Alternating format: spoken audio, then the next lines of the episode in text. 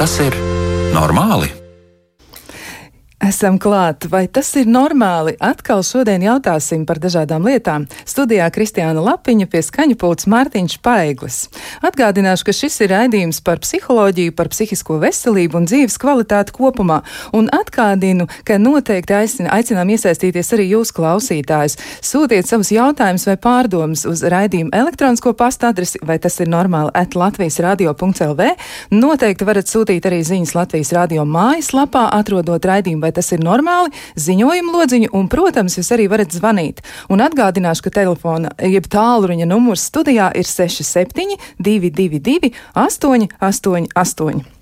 Šodien gribētu jautāt, vai dzīves kārtības izmaiņas, vai tas, ka esam vai nu daļēji, vai gandrīz izolēti, vai tas var ietekmēt vai veicināt atkarību veidošanos, un gal galā no kā tad mēs varam kļūt atkarīgi, ja ikdienā ir tik daudz pārmaiņu un arī ļoti, ļoti liela spriedze. Esam aicinājuši komentēt šos jautājumus un arī izpētīt atkarību līkločus un to, ko mēs paši varam darīt, raidījuma viešņas, un tās ir Ināra Vārpa, ārste, narkoloģa, psihoterapeite. Sveicināta! Labvakar! Un vēl arī esam aicinājuši piedalīties sarunā Ilzi Maksimu, ārsti narkoloģi, kur ir specializējusies kognitīvi behaviorālajā psihoterapijā. Sveicināta! Labvakar! Jā, gribētu sākt ar tādu īsu ievadu, un, un ievads varētu būt tāds, nu, tātad tas pirmais jautājums, vai tas ir normāli, ka ilgstošas spriedzes brīžos, vai tad, kad dzīves stils ir būtiski mainījies, e, arvien vairāk varētu kāroties, atslābināties, varbūt arī nu, uzsmēķēt vai brīžam šķietami bezmērķīgi lūkoties mobilā telefona ekrānā, un vai tā varētu būt, ka centieni iegūt mieru vai tādu tūlītēju komfortu izjūtu varētu nākt par ļaunu mums pašiem. Nu, izrādās, ka atkarība ir izplatīta problēma sabiedrībā un joprojām ir atklāts jautājums, kas to veicina. Alkohols ir dažādas eh, cita veida narkotikās vielas, smēķēšana, spēļu zāles, ir dažādas tehnoloģijas, ir reizēm ir emociju pilnas un vienlaikus tādas svārstīgas attiecības, no kurām arī cilvēki ir atkarīgi. Galu galā ir saldumi un pat sporta zāle. Nu, ļoti, ļoti daudz un dažādi veidi. Tie šķietami atšķiras, bet varbūt tomēr tajā visā ir arī kaut kas kopīgs. Un kas to veicina, kā ar to tik galā, nekaitējot sevi, tīpaši tad, ja dzīve ir tik ļoti būtiski mainījusies, nu, to mēs šodien arī gribētu noskaidrot, jo var jau būt, ka šīs pārmaiņas arī ne, nevis uz laiku, bet nu, tā teikt, uz palikšanu. Un tāpēc mans pirmais jautājums būs eh, šoreiz Inārai Vārpai, doktorai Vārpai. Es gribētu sākt ar, ar, ar jums un jautāt, nu, ko tad īsti nozīmē atkarība? Ko tad, ko tad mums ar to saprast? Ah, nu, jā, nu, viņa tiek locīta daudz un dažādos uh, uh, tēlainos apzīmējumos. Nu, pirmais, kas ir visbiežākais un uh, Un faktiski viss, visprecīzākais laikam no atkarība, nu, tā ir faktiski bērnišķība, nu, nenobriedus personība, kurai ir uh, personības identitātes traucējumi, faktiski gandrīz visos trijos līmeņos, gan domāšanas līmenī, gan emociju līmenī, gan rīcības līmenī. Un faktiski jau uh, nu, speciālisti neārstē atkarību, bet palīdz atvesaļoties atkarīgai personībai. Un atkarīga personība tad, nu, ir šī, eh, šī personība, kas ir, nu, kā jau es minēju, ar šiem, um, šiem parasti nu, eh, iegūtajām traumatiskiem pārdzīvojumiem, kur rezultātā nu, jā, cilvēks ir, eh, nav īsti nobriedis, viņš nav pašpietiekams.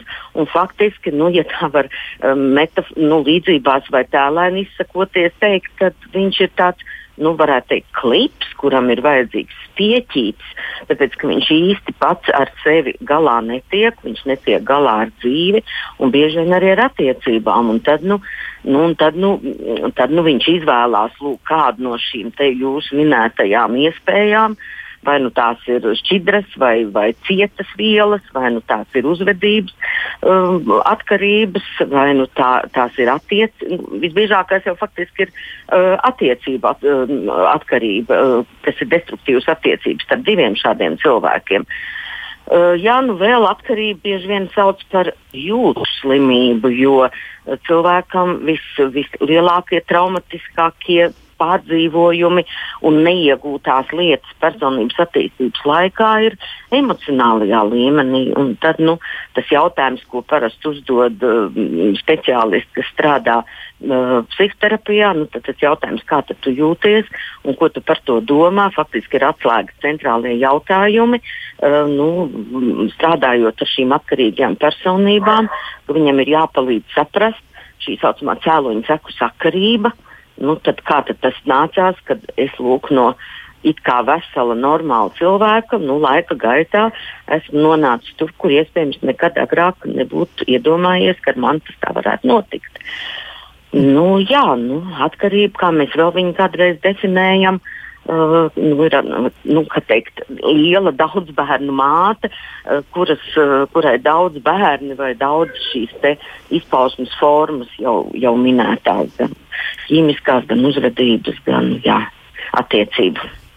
Jā, nu, man tad jautājums arī doktorai Maksimai uzreiz, nu kādi tad ir atkarību cēloņi, jo, e, nu, doktora Vārpa teica, jā, ka tā tad personība, kura nav nobriedusi, un man ļoti tā iekrita prātā par to bērnišķību, bet vai ir identificēta atkarību cēloņi, kas tomēr varbūt vairāk virza, un, un tos mēs varētu mēģināt atskārst, ka tie, tie kaut kur ir?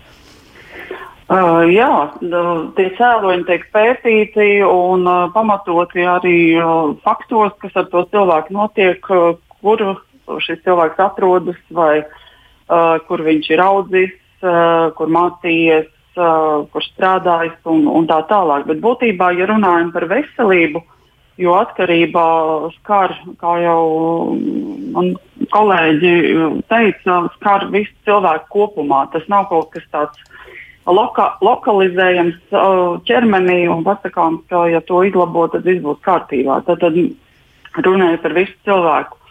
Un uh, veselības uh, priekšnosacījumi, determinantes uh, saistās ar ģenētiskiem, uh, ģenētisko informāciju, sociāliem faktoriem, individuāliem faktoriem, Uh, tā skaitā arī fizikāli, geogrāfiski faktori un arī veselības aprūpe tajā reģionā, kur šis cilvēks ir piedzimis, audzis un dzīvo. Līdz ar to šī slimība pamatojās tajā savā apzīmējumā kā biopsihosociāla slimība.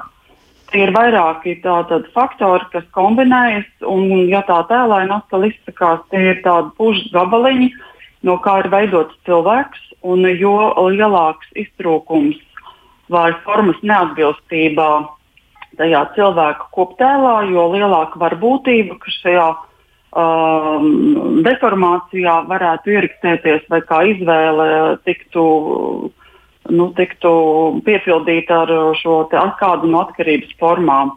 Un, uh, līdz ar to jā, tas ir. Uh, tas jau ir daudz sarežģītāk, un, ja runājam par riskiem, uh, Iedzimtība, ģenētiskā informācija, jebkuru saslimšanu vai veselības gadījumā tiek runāts par 20-25%, bet, ja runājam par atkarībām, tad šis risks varētu būt pat 40-60%, ja kādam no ģimenes locekļiem ir, uh, jau ir bijusi kāda no atkarības formām. Un, uh, tas jau, ja ģimenes loceklim ir predisponē jau šo sociālo faktoru, pie kā pieder ģimenes atmosfēra vai ģimenes uh, šī nu, vide, uh, ja, kādā dzīvo šie cilvēki, aug bērns. Un te jau runājam par disfunkcionālu ģimeni, kur ja ir kāds atkarīgais, tad blakus tam ir uh, līdzatkarīgais cilvēks, un tad aug bērns, kurš rada atkal savu uh, emocionālo pasauli nedaudz uh, jāsaka, tādā neveselīgā veidā. Un, uh, jā, un tas veido šīs deformācijas, un, kā jau kolēģis teica, šo jūtas slimību. Un kas notiks ar to izaugušo bērnu? Vai būs viņam šie individuālie faktori, kas viņus pasargās, vai būs uh, medicīniska aprūpe vai profilakse, kas atbildīs un spēs savlaicīgi atklāt šos riskus, lai viņš pēc iespējas vēlāk iesaistītos jebkādas vielas lietošanā. Nu, te jau ir jāsaka tāds valstiska un sabiedriska līmeņa jautājumi, bet ļoti labi ir, ja cilvēks var apzināties savus individuālos riskus un uh, vairāk vai mazāk novērtēt vidi, kur viņš atrodas. Skaidrs, tas tā tad varētu noderēt, ja mēs izpētām savu ģimenes vēsturi un varbūt mēģinām arī nu, tā, tā skaidrāk paskatīties uz to, kas tur ir, un tad mēs varbūt paši par sevi kaut ko varam secināt, kas mums var savukārt palīdzēt. Bet man jautājums būs atkal doktorai Vārpai, nu vai pastāv atšķirības mehānismā, kā veidojas tās dažādas atkarības, jo tiešām atkarība veidi ir dažādi, bet kas tad notiek ar cilvēka e, prātu, uztveri, smadzenēm, kas tur notiek, ka atkarības var izveidoties? Varbūt jūs varat raksturot, kā tieši tas process tur notiek, kāpēc cilvēki kļūst atkarīgi. Nu, ja mēs e, atkarību jau arī, arī uh, skatām uh, kā primāra lieta, kas ir saistīta, ja mēs runājam par šī gadījumā par ķīmiskām atkarībām, kā primāra lieta, kurā cilvēkam ir, viņš piedzimst jau ar nu, iedzimtu, ja pārmantu, nu, pārmantot šo metabolo, met, metaboliem traucējumiem, vielmaiņas traucējumiem, ka nu, tā vienkāršā valodā runājot, ķermenis nespēja tikt galā ar, ar šo uh, vielu, kuru nu, sadzīviski um, nu, lieto visi, vai, vai cilvēks skatās, jā, nu, ir taču svētki, visi svin, vai ir, ir, ir sestdienas vakars, un tad taču kāpēc nē, un ir pusdienas, un kāpēc pie pusdienām vīnu nē, nu, kāpēc, lai to nedarītu. Uh, un tad, lūk, uh, cilvēki, kuriem jau ir šī ģenētiskā, nu, kā teikt, pārmantojamība, tad viņam ķermenis ar šo ķīmisko vielu vai nu uzreiz netiks galā, vai nu varbūt laika gaitā kādu laiku būs šī sociālā, nu, es tā kā visi vai tā kā normāls. Un tad, uzkrājoties iekšējai šai emocionālai kritiskai bagāžai, nu, tad, tad bieži vien tiek sasniegta kritiskā robeža, kad nu, tas ķermenis vairs īsti ar to galā netiek. Un tad, nu, tautas valodā runājot, nu, cilvēks tā nodzerās. Ja, un viss saka, vai dieniņ, vai dieniņ, nu, gudrs cilvēks, bet paskat. Un bieži vien arī cilvēks pats saka, ar prātu es visu saprotu, bet es nezinu, kāpēc tas tā notiek. Es uh, domāju tikai paņemt vienu vīna glāzi vai, vai 50 gramus konjaku un izrādās, es attopos pēc divām vai trīs dienām un, un, un varbūt pat jau slimnīcā. Uh, tas būtu tas saucamais primārais, ja, kur jautājums ir par šiem vielmaiņas bojājumiem. Un otrs, uh, ar kuriem es praksē sastopos krietni vairāk, ir otršķirīgais, otršķirīgā, jeb tā saucamā sekundārā atkarība, kur primārā diagnoze ir pavisam cita, tā ir psihoemocionāla vai mentāla. Nu, Tātad vai tie ir bipolāri traucējumi, vai tā ir uh, endogēna vai reaktīva depresija, vai, nu, ir, vai tā ir schizofrēnija, vai, vai, vai tas ir nu, garstāvokļa svārstības, vai kāda cita emocionāla bojājuma. Un tad cilvēks tos nesaprotot, ne, nebūdams par to interesējies un izglītojies, viņš vienkārši jūtās slikti, un viņš nesaprot, kāpēc viņš jūtās slikti. Un tad viņš meklē uh, nu, viņa prāta risinājumu. Nu, viens risinājumu atradīs uh, alkoholā, cits risinājumu atradīs um, smēķējot zālīti, cits ies uz azartspēļu zāli un, un meklēs tur aizmiršanos vai laimi. Cits savukārt mainīs partnerus, jā, un, un tad viņš iedzīvosies um, seksatkarībā, tāpēc ka personība nu, nav nobriedusi atbilstoši un arī seksuāla, uh, seksuālā attīstība mm, būs iestrēgus. Nu, un tad, lūk, un tad viņam pievienosies uh, prim, primārā būs šī psihoemocionālā vai, kā es minēju, mentālā vai psihiskā saslimšana un, un otrs pievienosies klāt šī atkarība. Un tad arī um, ārstēšanas process jā, būs nodalāms. Nu, un, kā jau minēju, man terapijā nāk uh, tieši šie um, otrās grupas cilvēki vairāk. Tad, protams, ja speciālists īsti to uh, kopā nemāk izrunāt ar pacientu, tad viņš dažkārt uh, arī nevar sasniegt labu rezultātu, jo tad jau uh, nu, šīs atkarības noņemšana nost nu, nebūs iespējama tajā gadījumā, ja netiks ārstēts pamatprocess. Un šo cilvēku ir bezgalīgi daudz, un jau minētā pārmantojamība, kas notiek ģimenēs, kurās ir atkarības, viņas jau es ļoti, nu, pat cik man ir tūlīt jau 40 darba gadi uh, ar pacientiem, tad es varu teikt, ka es ļoti bieži redzu četras ģenerācijas vienā dzimtā vecvecāks un tad vectēvs un, un dēls. Nu, piemēram, vecvecā, vectēvam varbūt bija um, kāršus, viņš bija kāršu spēlmans, ja viņš bija kolhos priekšsēdētājs un, un tomēr alkohola lietotājs visu mūžu un smagi un daudz. Viņa dēls savukārt būs darba holiķis un trauksmains un, un neirotisks cilvēks. Savukārt viņa dēls iespējams būs seksatkarīgais, kas mainīs meitenes un, un, un, un nosauks to par mīlestību. Un, savukārt viņa dēls būs mazais gadgetists vai datoriķis. Ja?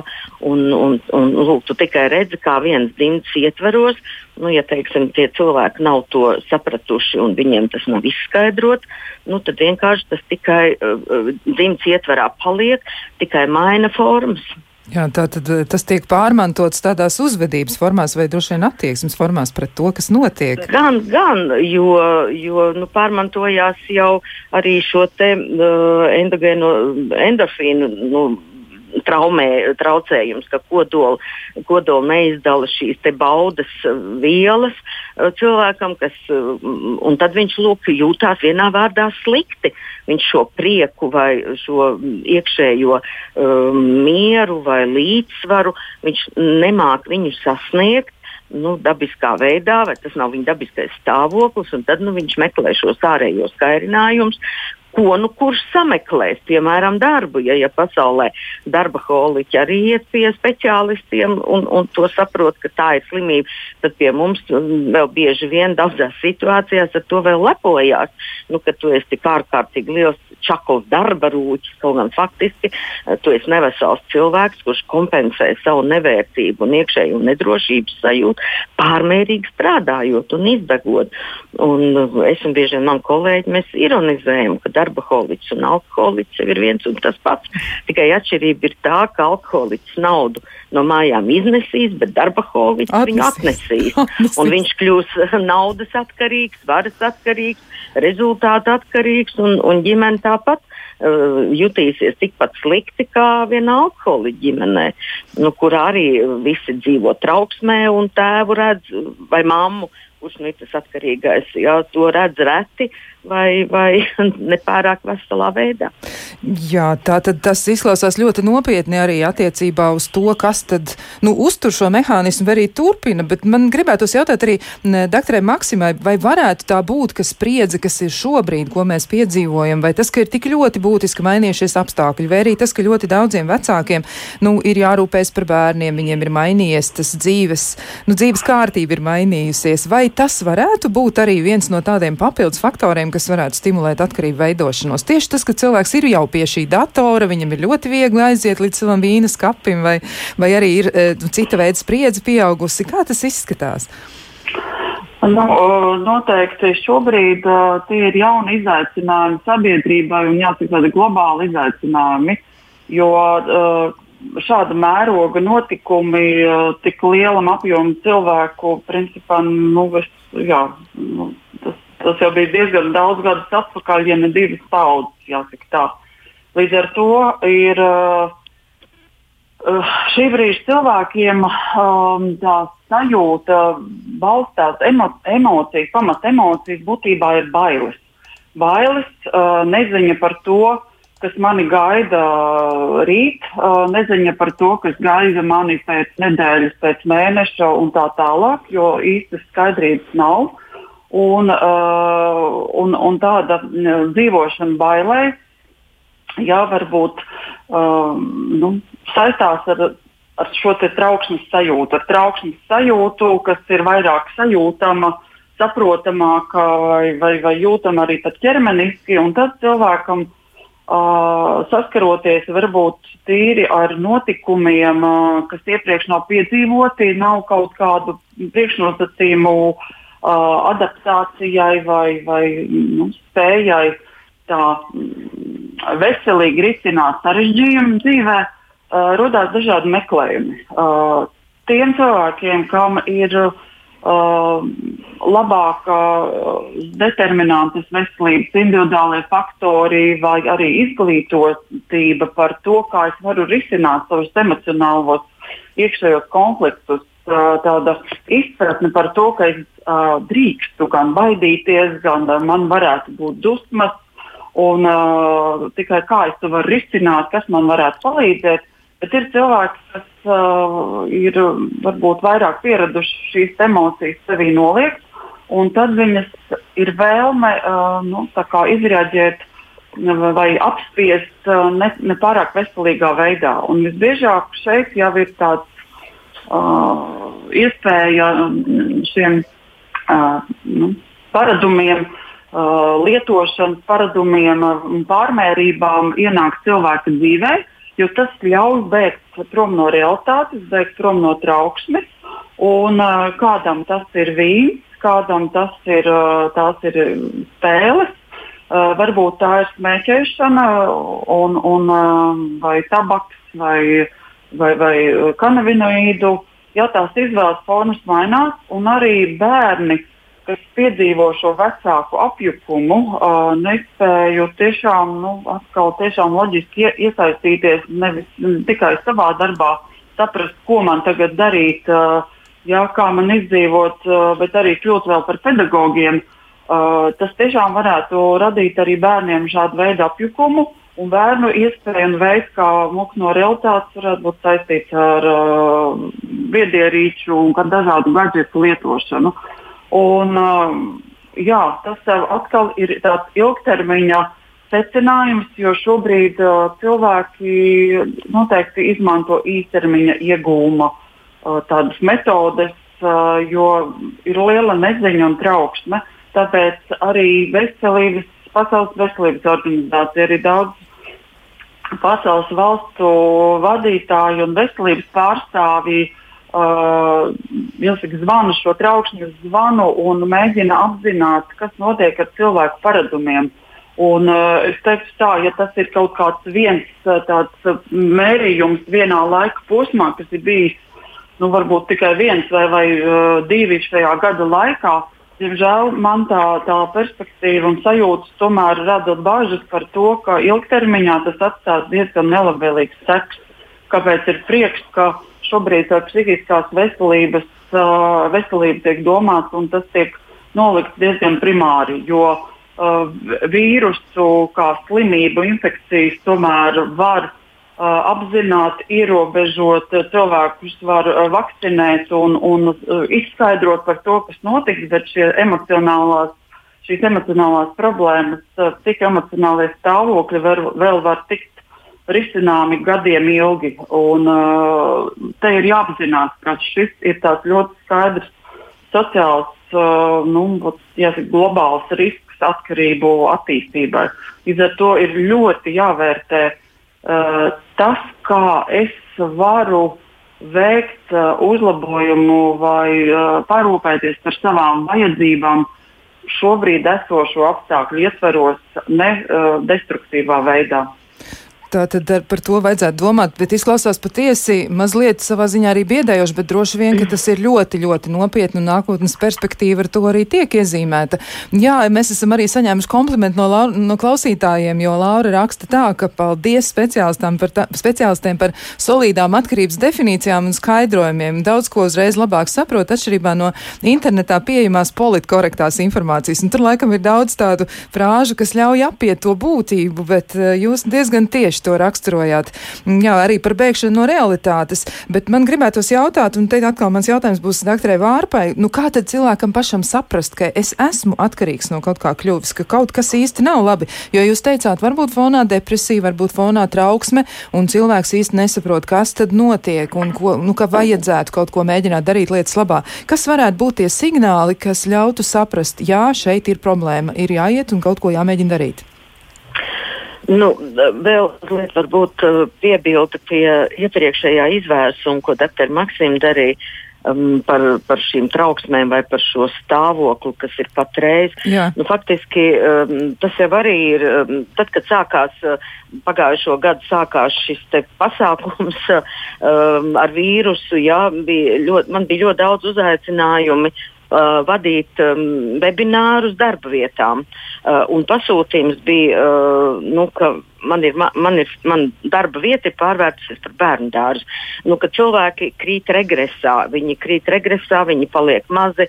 Um, Dr. Maksima uzrunāja bailes. Bailes jau ir divējādas - eksistenciāls bailes, kas nes nāvi un kas tiešām um, ir objektīvi, nu, piemēram, ejot pa plānu ledu, tu vari iel, iel, ielūst vai no vīrusu nomirst. Nu, varbūt par to arī ir jāpadomā, vai tu vispār esi riska zonā. Un tad ir šīs infantīlās bērna bailes. Un, un tas, kas notiek ar um, apstākļiem, ja cilvēks ilgstoši dzīvojas komforta zonā, uh, Un ja viņš nav uh, sev uzdevis šos ikdienišķos jautājumus, kā es jūtos, vai es sevi cienu par dzīvi, ko es ve veidoju, vai es vadu savu dzīvi, vai es esmu labs savas dzīves režisors, vai es esmu stabils savā dzīvē, vai es esmu uh, kreatīvs, radošs, vai es esmu nu, pašpietiekams, tad jau patiesībā jebkuros apstākļos cilvēks vairāk vai mazāk ne, neiet runa par to, ka tas ir uh, nav nav viegli, bet vairāk vai mazāk, uh, ja viņš ir sevi apzinājies un ar savu iekšējo pasauli un iekšējo veselību strādājis, tad tas saucamais regress, ja palikt maziņam un nobīties un krist panikā, tad tā būs viena neliela cilvēku grupa. Bet, diemžēl, mūsu sabiedrībā cilvēki ļoti bieži bijuši materiāli orientēti, viņi ir bijuši komforta orientēti un sava ego orientēti. Un tad nu, arī šobrīd tie cilvēki, kuri tad, tā arī tad ir tā lielā riska nu, teikt, daļa, uh, nu, kas, kas krītai bedrē, jā, jo regress ir palikt palikt maziņam, nobīties un kā tagad dzīvot. Jo ir vēl viena frāze, nu, ir vēl viens tāds izteikums, ja, ka tehnoloģiju progress ir cilvēces regress. Un, un, un tad nu, arī nu, šobrīd cilvēki, kuriem ir jābūt kopā ar saviem bērniem mājās, kuriem ir jānodarbojās ar bērnu atbalstu vai, vai dzīves telpas sadalīšanu, bieži vien arī parāda to, ka viņiem šīs elementārās šīs te, varbūt prasmes nav un šīs sociālās lomas ir, ir nu, tēva, mātes vai partnerības lomas ir bijušas diezgan, diezgan nu, paviršas, jo cilvēki dzīvo dzīvojuši kaut kur savās orbītās, kabinetos, kaut kur bērni tiek ieliekti skolās, bērnu dārzos. Tad nu, šobrīd tas ir diezgan nu, labs uh, testeris, ja, vai tāds eksāmens ieskaita katra cilvēka briedumam, katra cilvēka emocionālajai stabilitātei un varbūt jā, tam neizdarītam mājas darbam. Un tad, tad, nu ir, tad nu ir jautājums pašam sev, jā, cik man ir gadi, kā es dzīvoju, un, un kas ir tas, kas manā dzīvē ir labi, kas ir tas, kas manā dzīvē nav sakārtots, um, un, un, un kā es redzu savu nākotni, un ko es varu pats darīt un kur man ir vajadzīga palīdzība, vai, vai konsultatīvas, vai metodiskas dabas palīdzība no ārpuses, no citiem cilvēkiem, eh, kam ir zināšanas, no speciālistiem. Jo, ja cilvēks jūtas labi, un ja viņš sevi ciena, un ja viņam patīk dzīve, ko viņš ir uzbūvējis un vada, un ja viņam apkārt arī citi cilvēki labi jūtas, gan ģimenes cilvēki, gan draugi, gan kolēģi, tad nav pamata vispār uztraukties. Taču, ja, ja cilvēks dabūs šim um, jautājumiem pats sev godīgā veidā tos uzdodot, atbild, ka nē, es jūtos slikti, nu, tad jāiet tālāk. Nu, kā es jūtos? Ko es varu darīt? Jo ir divas, divi tādi lieli nu, tādi, nu, uh, segmenti. Viens ir problēmas segments, un otrs ir risinājuma segments. Un cilvēki, kuriem trūkst briedumu, kuri lūk, šo mentālo veselību nav kopuši, pie speciālistiem nav gājuši, ar savu personību nav nodarbojušies, tad ļoti bieži viņi iekrīt šajā problēmu segmentā. Un tad viņi no komforta zonas ir kā korķi izsisti ārā, un tad nu, viņi ir problēmās, un tad ir panika, un tad ir uztraukums, un tad nāk klāt lūk, šī veldzēšanās vai aizmukšana, un atkal atrēpšana, un atkal vēl, vēl vairāk problēmu apzināšanās. Tā vietā, lai konkretizētu problēmas, ņem papīra lapus, sarakst problēmas, praktiskas, mm. fiziskas, Jā. emocionālas, mentālas, sociālas, seksuālas, garīgas, mērķu problēmas, nākotnes grūtības. Un tad skaties, jā, ko tu vari pats risināt Un, un kādā veidā tu to risināsi? Un kur tev ir vajadzīgs um, pa, palīdzība, atbalsts, konsultācija, padoms, un kur tu to meklēsi. Vai tu to meklēsi grāmatās, sociālos tīklos, vai tu ies pie speciālista, vai tu ies pie mācītāja, vai tu runāsi taisīs ģimenes koncīlī un, un liks visu galvas kopā. Tas izklausās. Par... Jā. Jā, jā, es atvainojos, iznāca nedaudz pārtraukt, bet tas izklausās ļoti labi. Bet par risinājumu segmentu man gribētos, lai doktora Vārpa to turpina pēc maza, maza brītiņa. Mēs varētu tad atgriezties pie risinājumu segmentu un tad apspriest to, ko tad darīt ar šādām situācijām.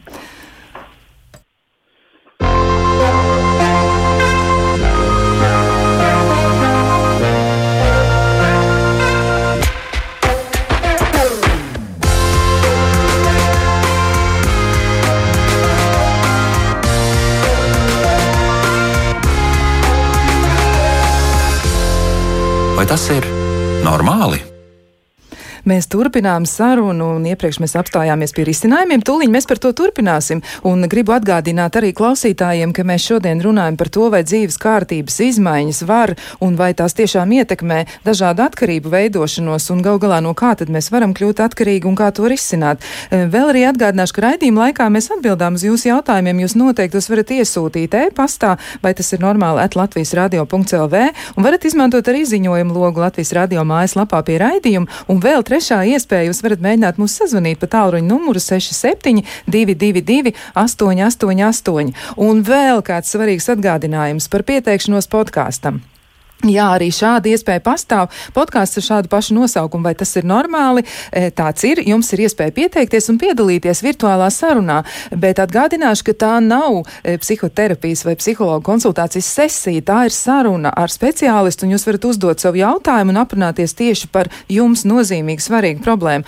Un kas ir būtiski, podkāstu uzdevums nav tikai informēt vai sniegt individuālu pieredzi, un tā arī nav tiešām virtuāla psihoterapija, bet sarunas jēga ir dalīties ar grūtību un risinājumu risinājumu pieredzi, un noteikti tas varētu būt kāds tāds būtisks iedrošinājums rūpēties par savas dzīves kvalitāti un mazināt savas bažas, un iespējams arī mazināt kādam citam cilvēkam raizes par to, kas notiek ar viņu. Un atgādināšu arī vēlreiz, ka pieteikties varat sūtot īsu savu problēmas pieteikumu uz e-pastu, vai tas ir normāli, at Latvijas radio.lv, un mēs ar jums sazināsimies.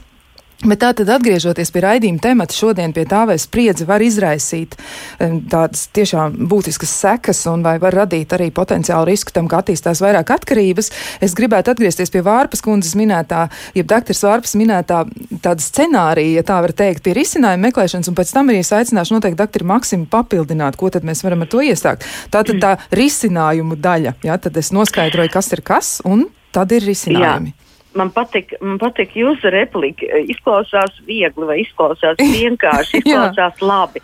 Jā, tas pat tiešām ir vienkārši. Es negribu cilvēku skaitināt, bet tas ir vienkārši. Tikai kāpēc tas nenotiek lielai cilvēku daļai? Tālāk, ka ja mēs runājam par par šo atkarību kā tādu un jēdzienu atkarīga personība. Un atkarīga personība tā tad ir bērnišķīga personība. Jo tad, kad cilvēks ir nu, lūk, šo ārējo apstākļu izmaiņas rezultātā regresēs, regresēs, tas ir atkal palicis maziņš. Redz, kā man neiet, un, un tas, kas ir tipiski cilvēkiem, viņi meklē vainīgo.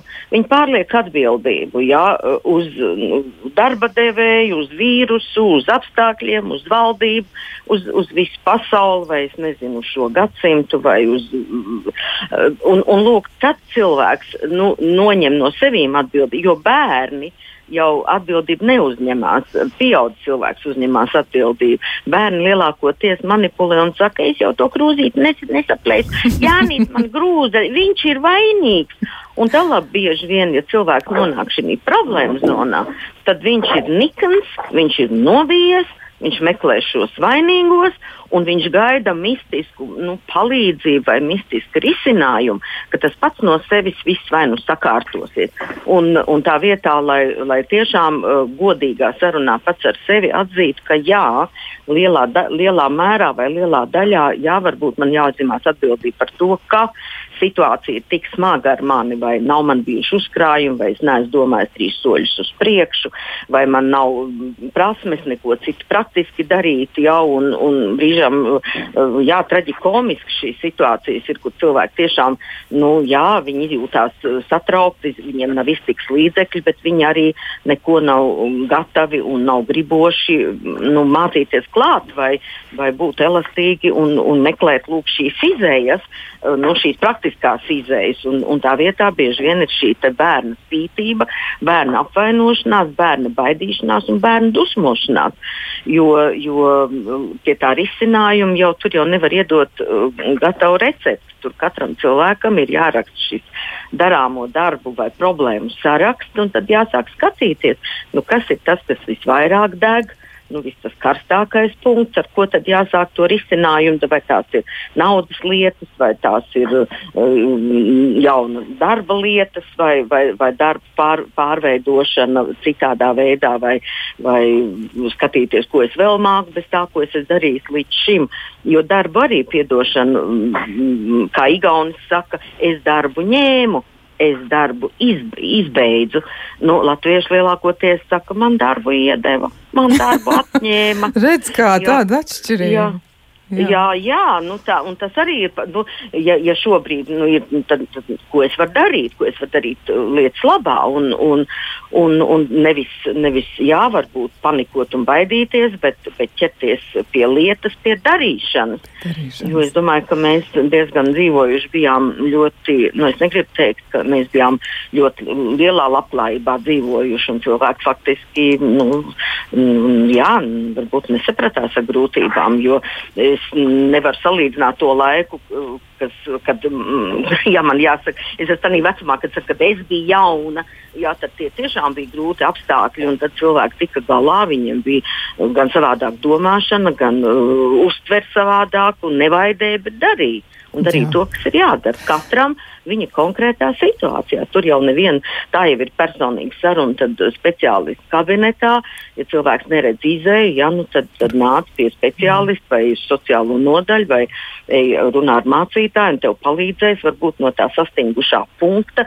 Tik no, tā. tā, no, tās, no tās centrifūgas dzīvošanas problēmu zonā tikt ārā. Jā. Un varbūt kādreiz jāsāk ar to, ka ir jāied, jādodas pie ārsta un iespējams ir pat vajadzīgi medikamenti, kāds, nu, lai, lai tas liekais trauksmainais, tie saucamie afekti, kas tagad ir uzpeldējuši.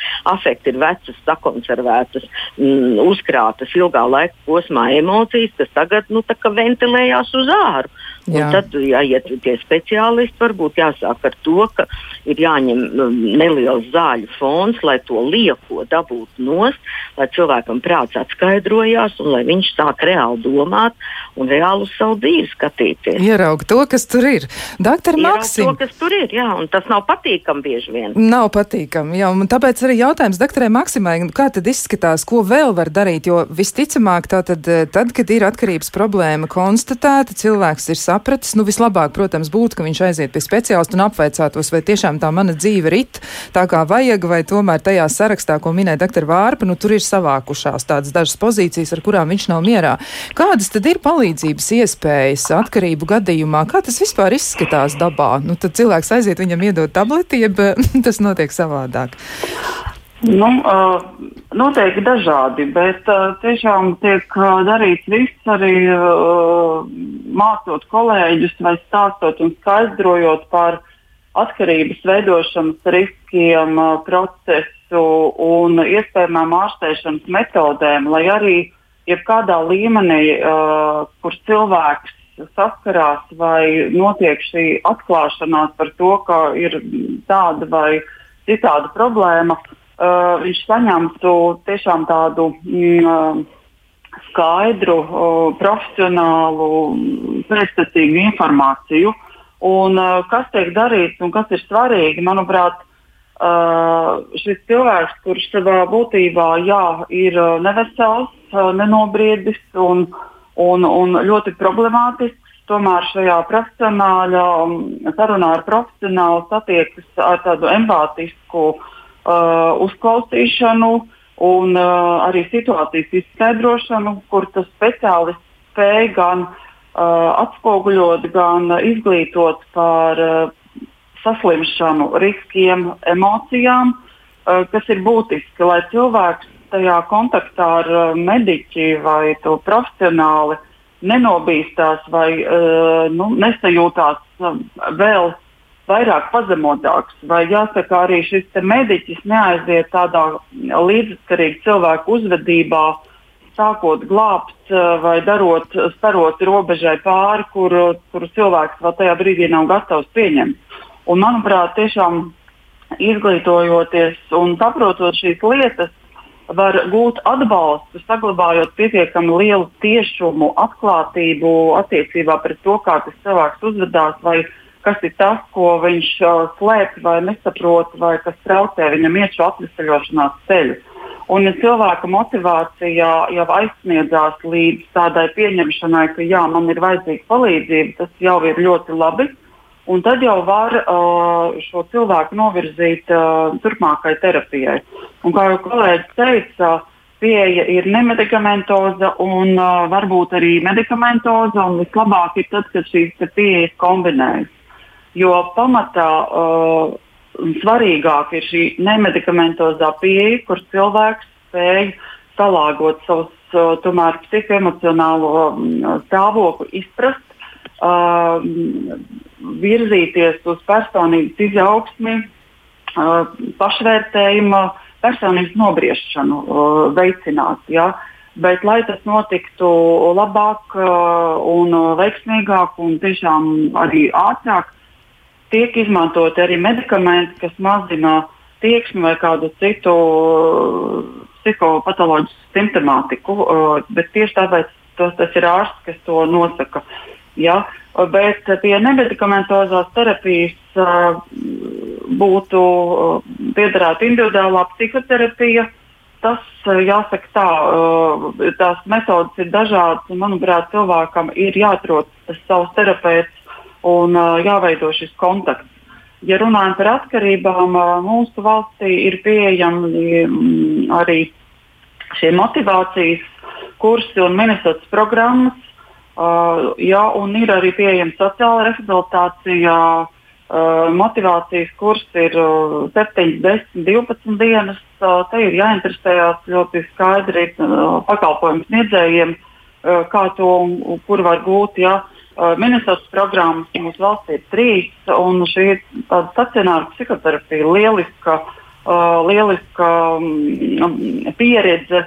Un, uh, vienmēr atcerēšos uh, visu cieņu kolēģei, doktorai Vārtaņai, manu skolotāju. Es, uh, manuprāt, mans dzīves ceļš, pateicoties viņai, arī ir aizgājis šo taku, kur es esmu gājusi un ko es esmu apguvusi, mācījusies. Un, manuprāt, tā bija viena jaudīga lieta, uh, ja, kas cilvēku uzrunā un ļoti var nu, tiešām pārvērst uh, tādā domātājā par to, kas, ko viņš var darīt un ko viņš nevar darīt, un ko, kuras durvis viņam uz mūžu būs slēgtas.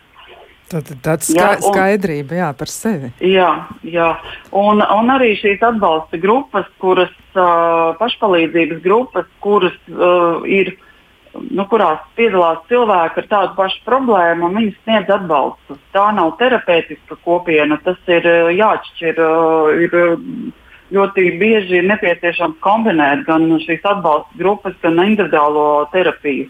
Jā, jo viena lieta ir gūt atbalstu, otra lieta uh, uh, veicināt šīs personības pārmaiņas, individuālās pārmaiņas, un tas ir kaut kas savādāk.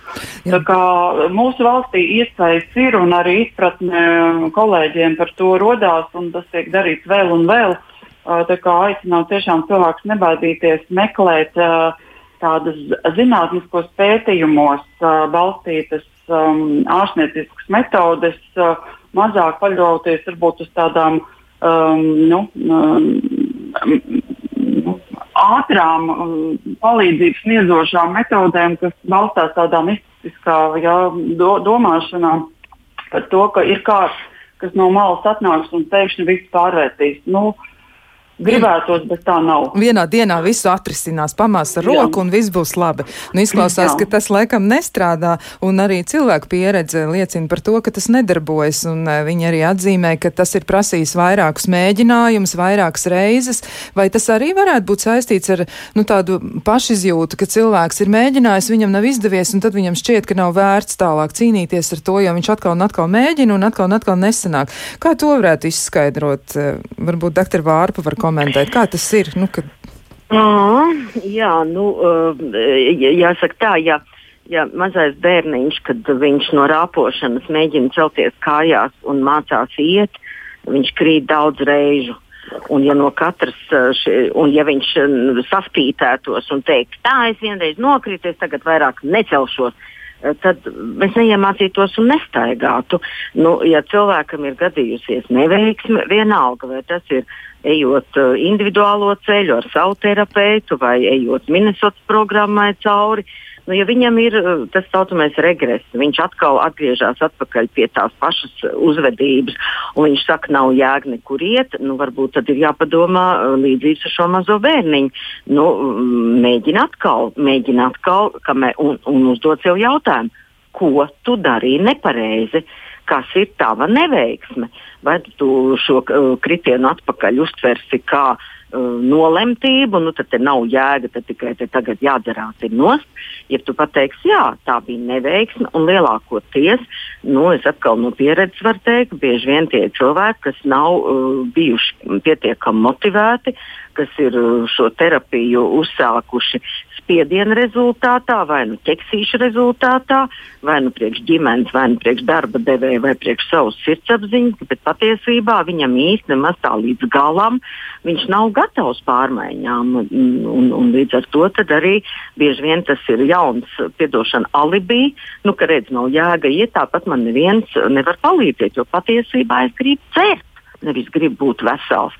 Un vēl par to mm, ir tāds uh, laba, nu, ko es parasti arī klientiem tā vienkāršā valodā skaidroju, ka, kā saprast uh, slimo pusi un, un atvesļošanās pusi. Nu, ja es netieku galā pats ar sevi, ar jūtām, domām, rīcību, nu, tad es netieku galā arī ar dzīvi. Un, ja es netieku galā ar sevi un dzīvi, tad es esmu kā klips, un tad es meklēju spieķi, un tad nu, tos spieķus izvēlos kādu no atkarībām. Un atpakaļceļš, tad vispirms tas spieķis ir jāliek malā, jābeidz spēlēt, jābeidz dzert, jāņem jauno pulverīša devu, uh, vai neņem jaunu partneri seksā, nu, tā tad liec šo spieķīti malā. Tad numur viens tev ir jāsakārto attiecības pašam ar sevi, vai nu ar terapeitu, vai nu ejot Minnesotas programmā, vai ejot terapijas grupās. Un otrs, tev jāsakārto ir sava dzīve, tev jātaisa savas dzīves revīzija. Tā izskaitā arī jāatveseļo ģimene un šīs atkarīgās attiecības, kas ir ar partneri. Ja to nesakārtos, nesakārtos, uh, sakārtos sev, bet nesakārtos dzīvi, nu atkal nebūs nekas.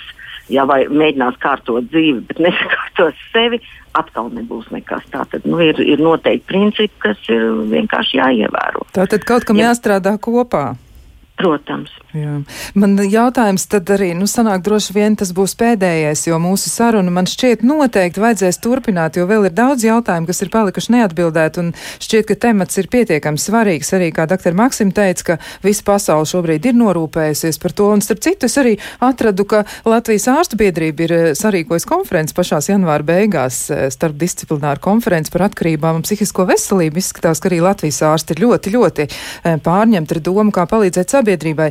Bet man ilzēja jautājums, un varbūt tādu, tādu, nu, tādu noslēdzošu ieteikumu kopumu varētu iedot nu, minūtes, divu minūšu garumā par to, kā tad atbalstīt cilvēku, neiesaistoties viņa atkarībā, kā būt līdzās, bet nekļūt līdzatkarīgam. Ko vajadzētu ievērot, kā mēs varam palīdzēt otram cilvēkam, kurš ir līdzās, un mēs redzam, ka viņam tiešām ir grūti.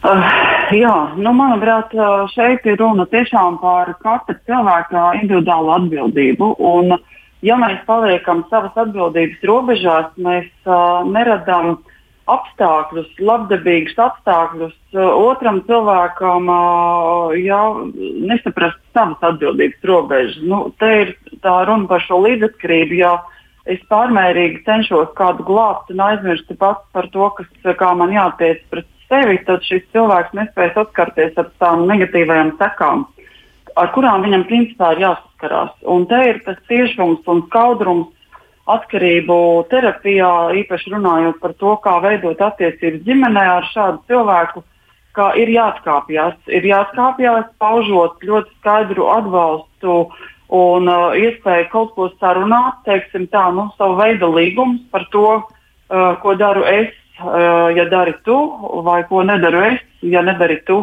Un uh, pieturēties ļoti skaidri pieturēties pie šīs robežas. Un tas nav aizmirst cilvēku vai viņu pamest, tas tiešām ļauj viņam celties un mācīties staigāt. Un, ja ir uh, tā cilvēka vēlme, un visbiežāk tas ir, ka mūsu līdzcilvēki mums ir svarīgi, kurus mēs sev dzīvē esam izvēlējušies. Un, ja mēs adekvāti spējam pasniegt šo informāciju, uh, ko mēs darām un ko mēs nedarīsim, ja mēs, uh, šis cilvēks vēlas ar mums būt kopā, tad uh, Viņam ir vairāk iemeslu iesaistīties terapijā un uh, mainīties, bet jāmainās mums visiem.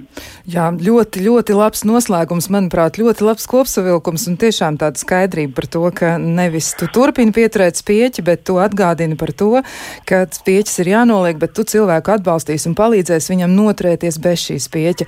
Jā, gribu teikt lielu, lielu paldies Inārai Vārpai, ārstē narkoloģijai, psihoterapeitei un arī Ilzē Maksimai, arī ārstē narkoloģijai, kura ir īpaši īpaši specializējusies kognitīvi behaviorālajā psihoterapijā, un tad droši vien arī var, nu, tā teikt, strādāt ar domāšanas maiņu un citām lietām, bet arī es domāju, ka Ināra Vārpa ir fantastiska psihoterapeita, noteikti aicinu arī apdomāties par terapijas iespējām, bet no savas puses vēlreiz gribu arī raidījuma noslēgumā atgādināt par podkāstu. Jūsu iespējas, tātad klausītāja iespējas ir pieteikties podkāstam un uzdot savu jautājumu jums speciālistam un aktualizēt tieši jums nozīmīgu, svarīgu problēmu. Un, savukārt, Savukārt pieteikšanās ir iespējama rakstot uz e-pastu, vai tas ir normāli at Latvijas radio.lv. Un vēl gribu teikt, ka podkāsta galvenais uzdevums ir iedrošināt, iedrošināt rūpēties par savas dzīves kvalitāti, mudināt apsvērt palīdzības vai atbalsta iespējas un tās arī noteikti izmantot. Savukārt, Es no jums atvedos, un mēs tiksimies nākamajā svētdienā šajā pašā laikā un runāsim par to, kā veidot veselīgu pašvērtējumu. Un no manas puses klausītājiem novēlu, lai izdodas, lai izdodas viss, ko esat iecerējuši.